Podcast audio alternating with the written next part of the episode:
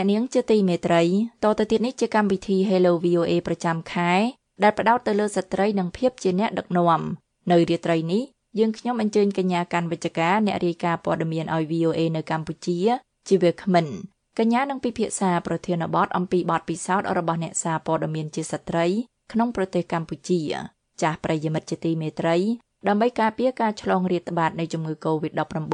បុគ្គលិក VOA បានបដូរមកធ្វើការងារពីផ្ទះ ហើយយើងថតទុកកម្មវិធី Hello VOA នេះដូច្នេះយើងខ្ញុំមិនអាចទទួលការហៅចូលដើម្បីសួរជាសំណួររបស់ប្រិយមិត្តជាបណ្ដោះអាសន្នតទៅទៀតនេះសំលោកអ្នកនាងស្ដាប់កម្មវិធី Hello VOA រវាងអ្នកស្រីស៊ូបចិន្តាដែលជាអ្នកសម្របសម្រួលកម្មវិធី Hello VOA នៅរាត្រីនេះជាមួយនឹងកញ្ញាកាន់វិជ្ជការដូចតទៅចាសសូមអរគុណនិងសូមជម្រាបសួរប្រិយមិត្តចានៅថ្ងៃទី3ខែឧសភានេះគឺជាទិវាសេរីភាពសារព័ត៌មានពិភពលោក ដូច្នេះកម្មវិធី Hello VOA ស្ដីពីស្ត្រីនិងភាពជាអ្នកដឹកនាំនៅរាត្រីនេះបានអញ្ជើញកញ្ញាកាន់វិជ្ជការដែលជាអ្នកសារព័ត៌មានមួយរូបរាយការណ៍ឲ្យ VOA ប្រចាំនៅរាជធានីភ្នំពេញមកធ្វើជាវាគ្មិន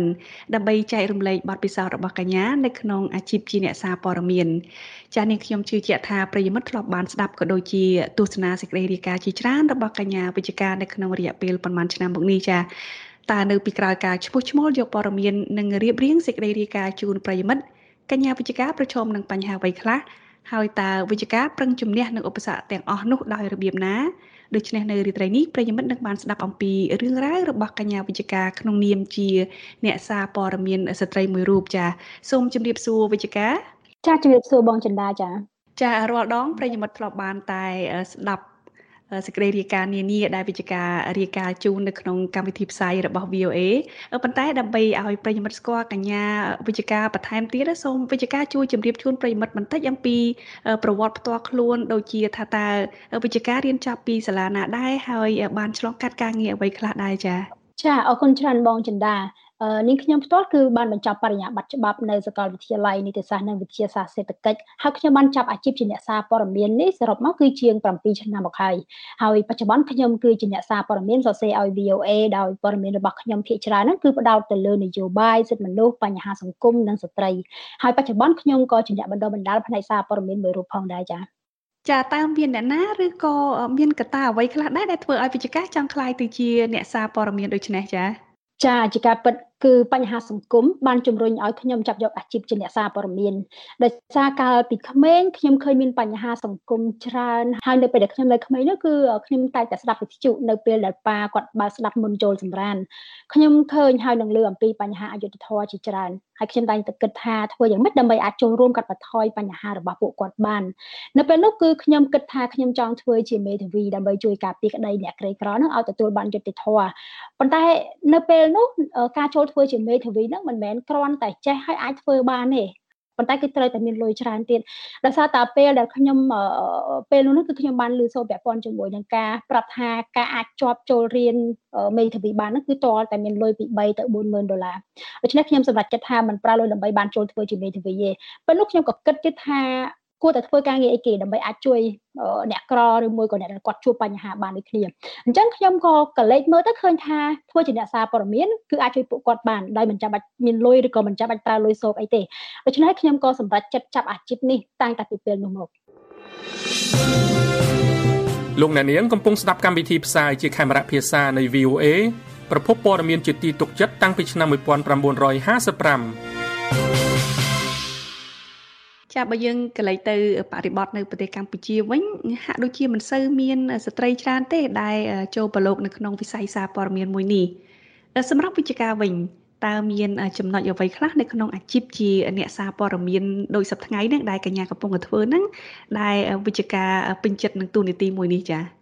ចាបាននិយាយអំពីចំណុចដែលនាងខ្ញុំពេញចិត្តនោះគឺមានច្រើនគួរសមចានាងខ្ញុំចង់លើកពាក់ព័ន្ធជាមួយចំណុចដែលនាងខ្ញុំពេញចិត្តជាងគេនៅក្នុងនាមជាអ្នកសារព័ត៌មានស្ត្រីហ្នឹងគឺខ្ញុំកំពុងតែធ្វើការងារមួយដែលមនុស្សជាច្រើនយល់ថាជាការងារដែលគួរតែមានសម្រាប់តែបុរសជាអ្នកធ្វើមិនគួរជាស្ត្រីក្នុងមិនគួរជាស្ត្រីជាអ្នកធ្វើនោះទេ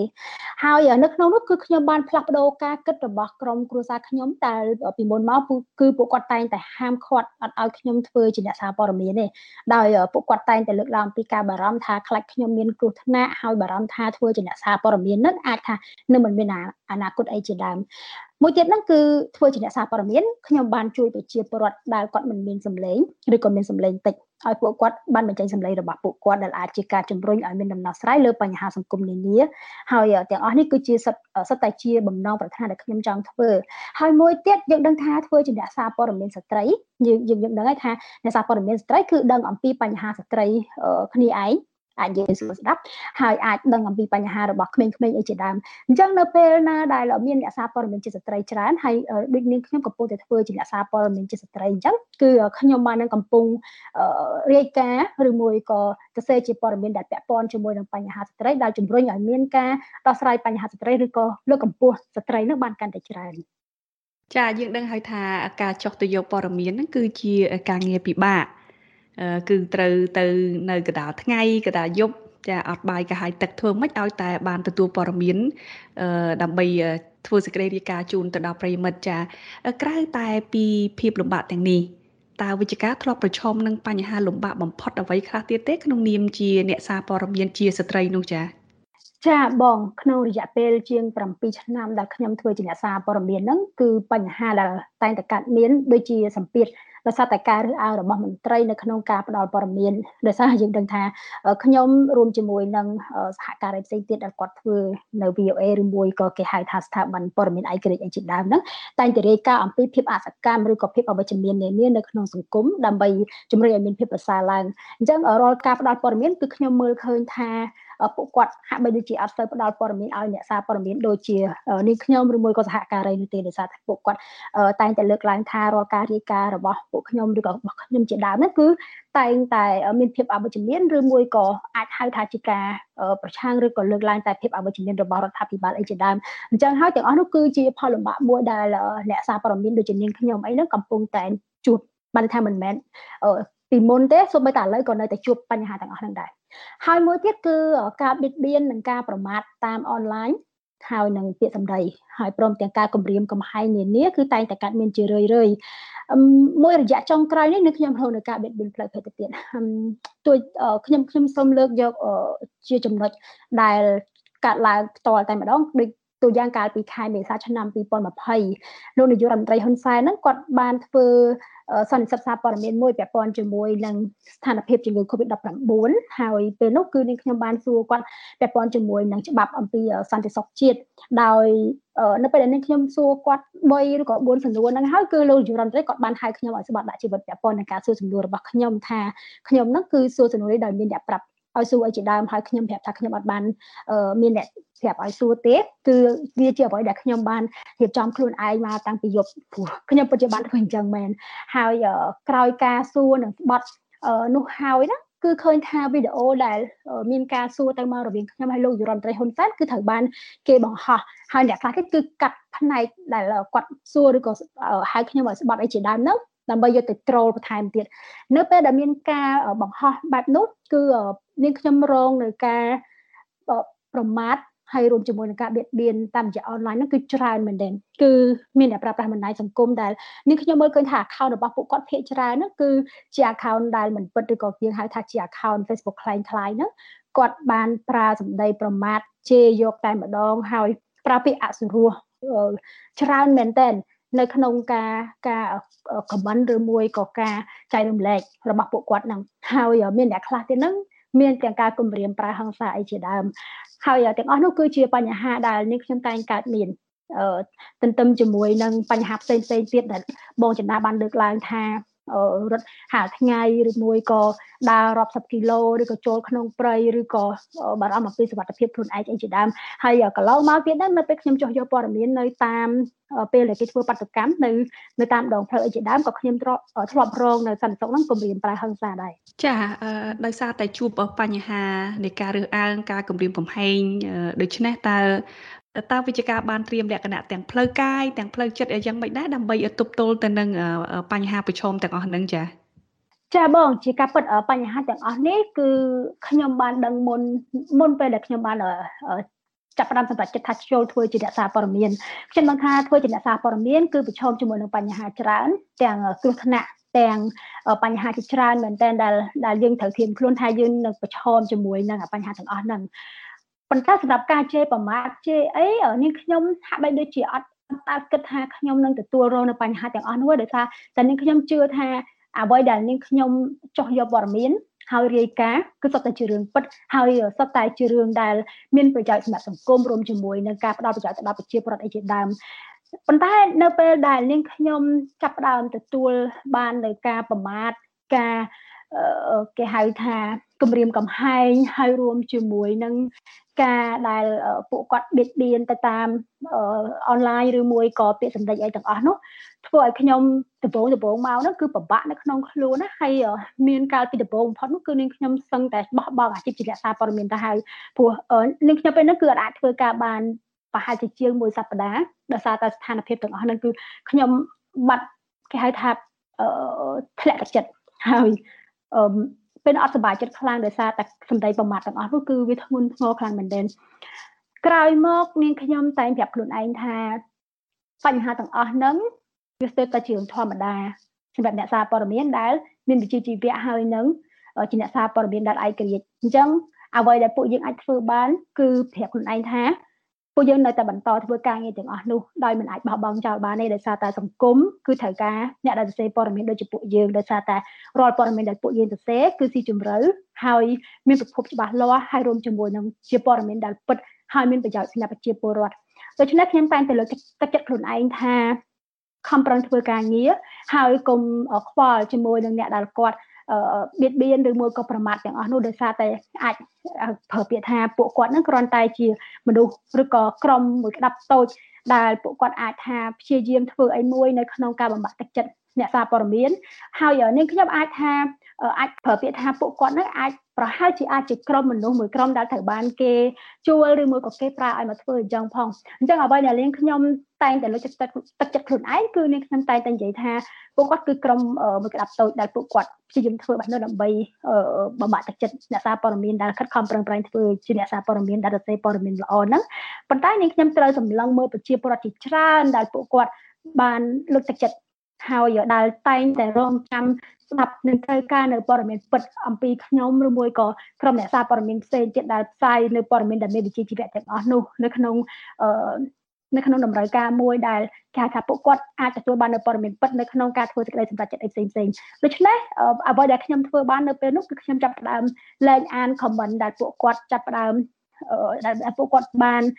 បៀតបៀនឬមួយក៏ពួកគាត់ ប្រមាថទាំងអស់នោះគឺខ្ញុំលែងអានតែម្ដងហើយខ្ញុំប្រាប់ខ្លួនឯងថាគឺខ្ញុំលែងខ្វល់អញ្ចឹងចាប់តាំងពីពេលនោះមកបើទោះបីជាមានករណីទាំងអស់នឹងកើតឡើងទៀតខ្ញុំប្រើវិធីសាស្ត្រដដែលដដែលហ្នឹងដើម្បីលើកទឹកចិត្តខ្លួនឯងគឺខ្ញុំលែងលែងសូវប៉ះពាល់អារម្មណ៍អីអញ្ចឹងអឺអារម្មណ៍ដែលនេះខ្ញុំធ្លាប់គិតថាចង់បោះបង់ការងារជាអ្នកសារព័ត៌មានដោយសារតែការប្រមាថរបស់ពួកគាត់ទាំងអស់នោះគឺលែងមានរហូតដល់ពេលឥឡូវ The Voice of America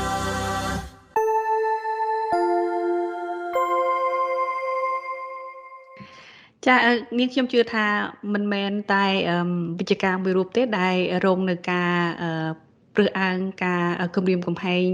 ការប្រឈមនឹងបញ្ហាដោយតែវិជ្ជការផ្ទើបតែលើកឡើងបាញ់មិញនេះចាគឺ ពិតជាមានអ្នកសារព័ត៌មានច្រើនទៀតដែលប្រឈមនឹងបញ្ហាដូចនេះដែរចាដោយសារតែវិជ្ជការធ្លាប់ទទួលរងការរើសអើងនឹងការគម្រាមកំហែងដូចនេះតើវិជ្ជការមានជាសារអ្វីបន្ថែមទៀតទេទៅដល់អ្នកដែលធ្លាប់ប្រឈមនឹងបញ្ហាដូចកញ្ញាដែរនោះចា៎ ចាអរគុណបងអ្វីដែលជាសាររបស់ខ្ញុំសម្រាប់ពេលនេះហើយក៏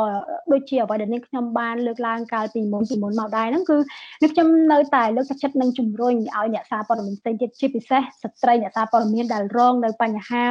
ដោយមានទាំងការបៀតបៀនផ្លូវភេទការបៀតបៀនដែលជាសម្ដីឬក៏ការប្រមាថអីជាដើមនៅតាមអនឡាញឬមួយក៏ការគំរាមកំហែងហ្នឹងកុំបោះបង់ចោលអាជីពជាអ្នកធ្វើជាអ្នកសារព័ត៌មានរបស់ខ្លួនឯងបានន័យថា នៅពេលដែលយើងឈានជើងមកចូលធ្វើជាអ្នកសារព័ត៌មានគឺមានន័យថាពួកយើងបានឆ្លាញ់ការងារជាអ្នកសារព័ត៌មានហើយដឹងថាសារព័ត៌មានហ្នឹងគឺពិតជាមានសារៈសំខាន់សម្រាប់សង្គមហ្នឹងអញ្ចឹងកុំធ្វើឲ្យស្ថានភាពឬក៏បញ្ហាឬក៏សម្ពាធទាំងអស់នោះនោះធ្វើឲ្យយើងបោះបង់ការងារដែលយើងកំពុងតែធ្វើនិងការងារដែលយើងស្រឡាញ់ព្រោះនៅពេលដែលយើងយើងដឹងថានៅពេលដែលយើងប្រឈមជាមួយនឹងការបៀតបៀនទាំងអស់នោះគឺមានក្រុមមនុស្សណានោះគឺចង់ឲ្យពួកយើងនឹង បោះបង់ការងារនឹងចោលអញ្ចឹងបើសិនជាយើងបោះបង់ការងារនឹងចោលគឺបានន័យថាពួកគាត់នឹងគឺជោគជ័យនៅក្នុងការធ្វើពួកយើងបោះបង់ការងារនេះជាទី1ហើយមួយទៀតនៅពេលដែលប្រឈមជាមួយនឹងបញ្ហាទាំងអស់នោះគុំទុកក្នុងចិត្តគុំគិតតែម្នាក់ឯងគឺនិយាយចេញដែលនិយាយប្រាប់មនុស្សដែលយើងទុកចិត្តឬមួយក៏បើមានឱកាសគឺអាចនិយាយនៅក្នុងកម្មវិធីវិទ្យុដូចឥឡូវខាង VOA កំពុងតែធ្វើអីអញ្ចឹងគឺអាចនិយាយចេញបែបហ្នឹងដើម្បីអីទីមួយគឺដើម្បីឲ្យដឹងថា បញ្ហារបស់អ្នកសារព័ត៌មានចិត្តត្រីហ្នឹងគឺកាត់ឡើងចេះមួយចេះពីរនៅពេលដែលយើងបានបង្ហាញអំពីបញ្ហាគឺពេលហ្នឹងហើយយើងអាចនឹងជំរុញឲ្យមានដំណោះស្រាយដោយសារអីមនុស្សជាច្រើនទៀតគេកំពុងតែស្ដាប់អញ្ចឹងមនុស្សជាច្រើនទៀតហ្នឹងគឺគាត់នឹងយល់ថា អ្នកសារព័ត៌មានជាស្ត្រីហ្នឹងគាត់ប្រឈមបញ្ហាអីខ្លះហើយនៅពេលដែលគាត់ប្រឈមបញ្ហាទាំងអស់ហ្នឹងវាធ្វើឲ្យប៉ះពាល់អីខ្លះដល់ការងាររបស់គាត់ហើយហេតុអីបានជាអ្នកទាំងអស់គ្នាហ្នឹងគឺត្រូវតែយល់ដឹងឬមួយក៏បញ្ឈប់រាល់ការបៀតបៀនទាំងអស់នោះដោយសារតែការធ្វើការងាររបស់អ្នកសារព័ត៌មានគឺអត់មានអីក្រៅតែអំពីការផ្ដល់ព័ត៌មានពិតហើយចង់ធ្វើឲ្យសង្គមនោះមានភាពប្រសើរឡើងទេអញ្ចឹងការបៀតបៀនណាមួយ ឬមួយក៏ការគម្រាមកំហែងណាមួយទៅដល់អ្នកសារព័ត៌មាននេះគឺជាអំពើដែលខុសឆ្គងខ្លាំង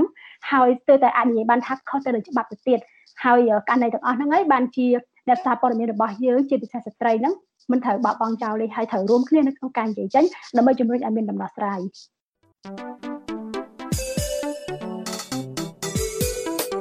អស់លោកអ្នកកំពុងតែស្ដាប់ VOA ប្រភពព័ត៌មានដ៏ទុកចិត្តបំផុត។ ចាជាជាងក្រោយតើវិជ្ជការមាន ពាក្យពេចន៍អ្វីជាការផ្ដាំផ្ញើទៅដល់យុវតីក៏ដូចជាស្ត្រីនានាដែលចង់ក្លាយទៅជាអ្នកសារព័ត៌មានជាអាជីពជាអ្នកសារព័ត៌មាន ហើយដូចជាដែលវិជ្ជការទើបតែលើកឡើងបាញ់មិញដែរគឺថាយើងចង់ឲ្យមានស្ត្រីបន្ថែមទៀតចូលរួមនៅក្នុងវិស័យសារព័ត៌មាននេះចាសូមអញ្ជើញចាចាអរគុណបងជាចុងក្រោយនាងខ្ញុំនៅតែ លើកទឹកចិត្តនិងជំរុញឲ្យស្ត្រីវ័យក្មេងរបស់យើងដែលកំពុងតែចង់ធ្វើជាអ្នកសារព័ត៌មានគឺមិនត្រូវបោះបង់ទេ ហើយ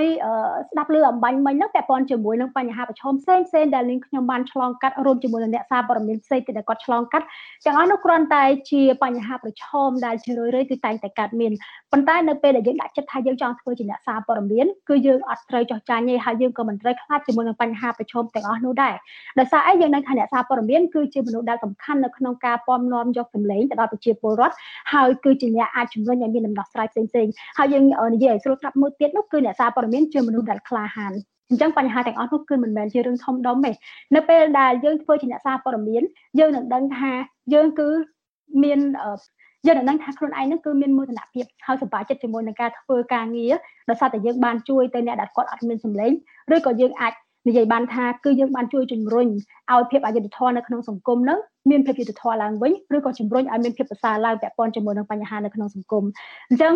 កុំបោះបង់ហើយកុំ ខ្វល់អំពីសម្ដីអ្នកផ្សេងឬមួយក៏បានន័យថានៅពេលដែលមានការនិយាយថាកុំធ្វើជាអ្នកសារព័ត៌មានអីជាដើមនោះកុំជឿគេងាយគឺត្រូវតែដាក់ចិត្តខ្លួនឯងថាខ្ញុំចង់ធ្វើការងារជាអ្នកសារព័ត៌មានដោយសារតែខ្ញុំស្រឡាញ់ហើយខ្ញុំចង់ជួយសង្គមអញ្ចឹងនៅពេលណាដែលយើងដឹងថាយើងចង់ធ្វើការងារដែលយើងស្រឡាញ់នៅពេលនោះគឺយើងព្យាយាមធ្វើអស់ពីចិត្ត ហើយធ្វើឲ្យភាពល្អប្រសើរបើសិនជាយើងគ្រាន់តែលឺសូរគេនិយាយថាកុំធ្វើដោយសារតែវាមានបញ្ហាប្រឈមឬមួយក៏គ្រោះថ្នាក់ហើយយើងបោះបង់អញ្ចឹងយើងនឹងមិនអាចឆ្លងកាត់នឹងបទពិសោធន៍ការងារដែលយើងស្រឡាញ់ឬក៏យើងនឹងប្រហែលជាមិនអាចធ្វើការងារដែលយើងស្រឡាញ់បានទេអញ្ចឹងត្រឡប់មកវិញជាចុងក្រោយគឺធ្វើអ្វីដែលយើងចង់ធ្វើហើយធ្វើអ្វីដែលយើងស្រឡាញ់នោះយើងនឹងធ្វើវាដល់ជោគជ័យ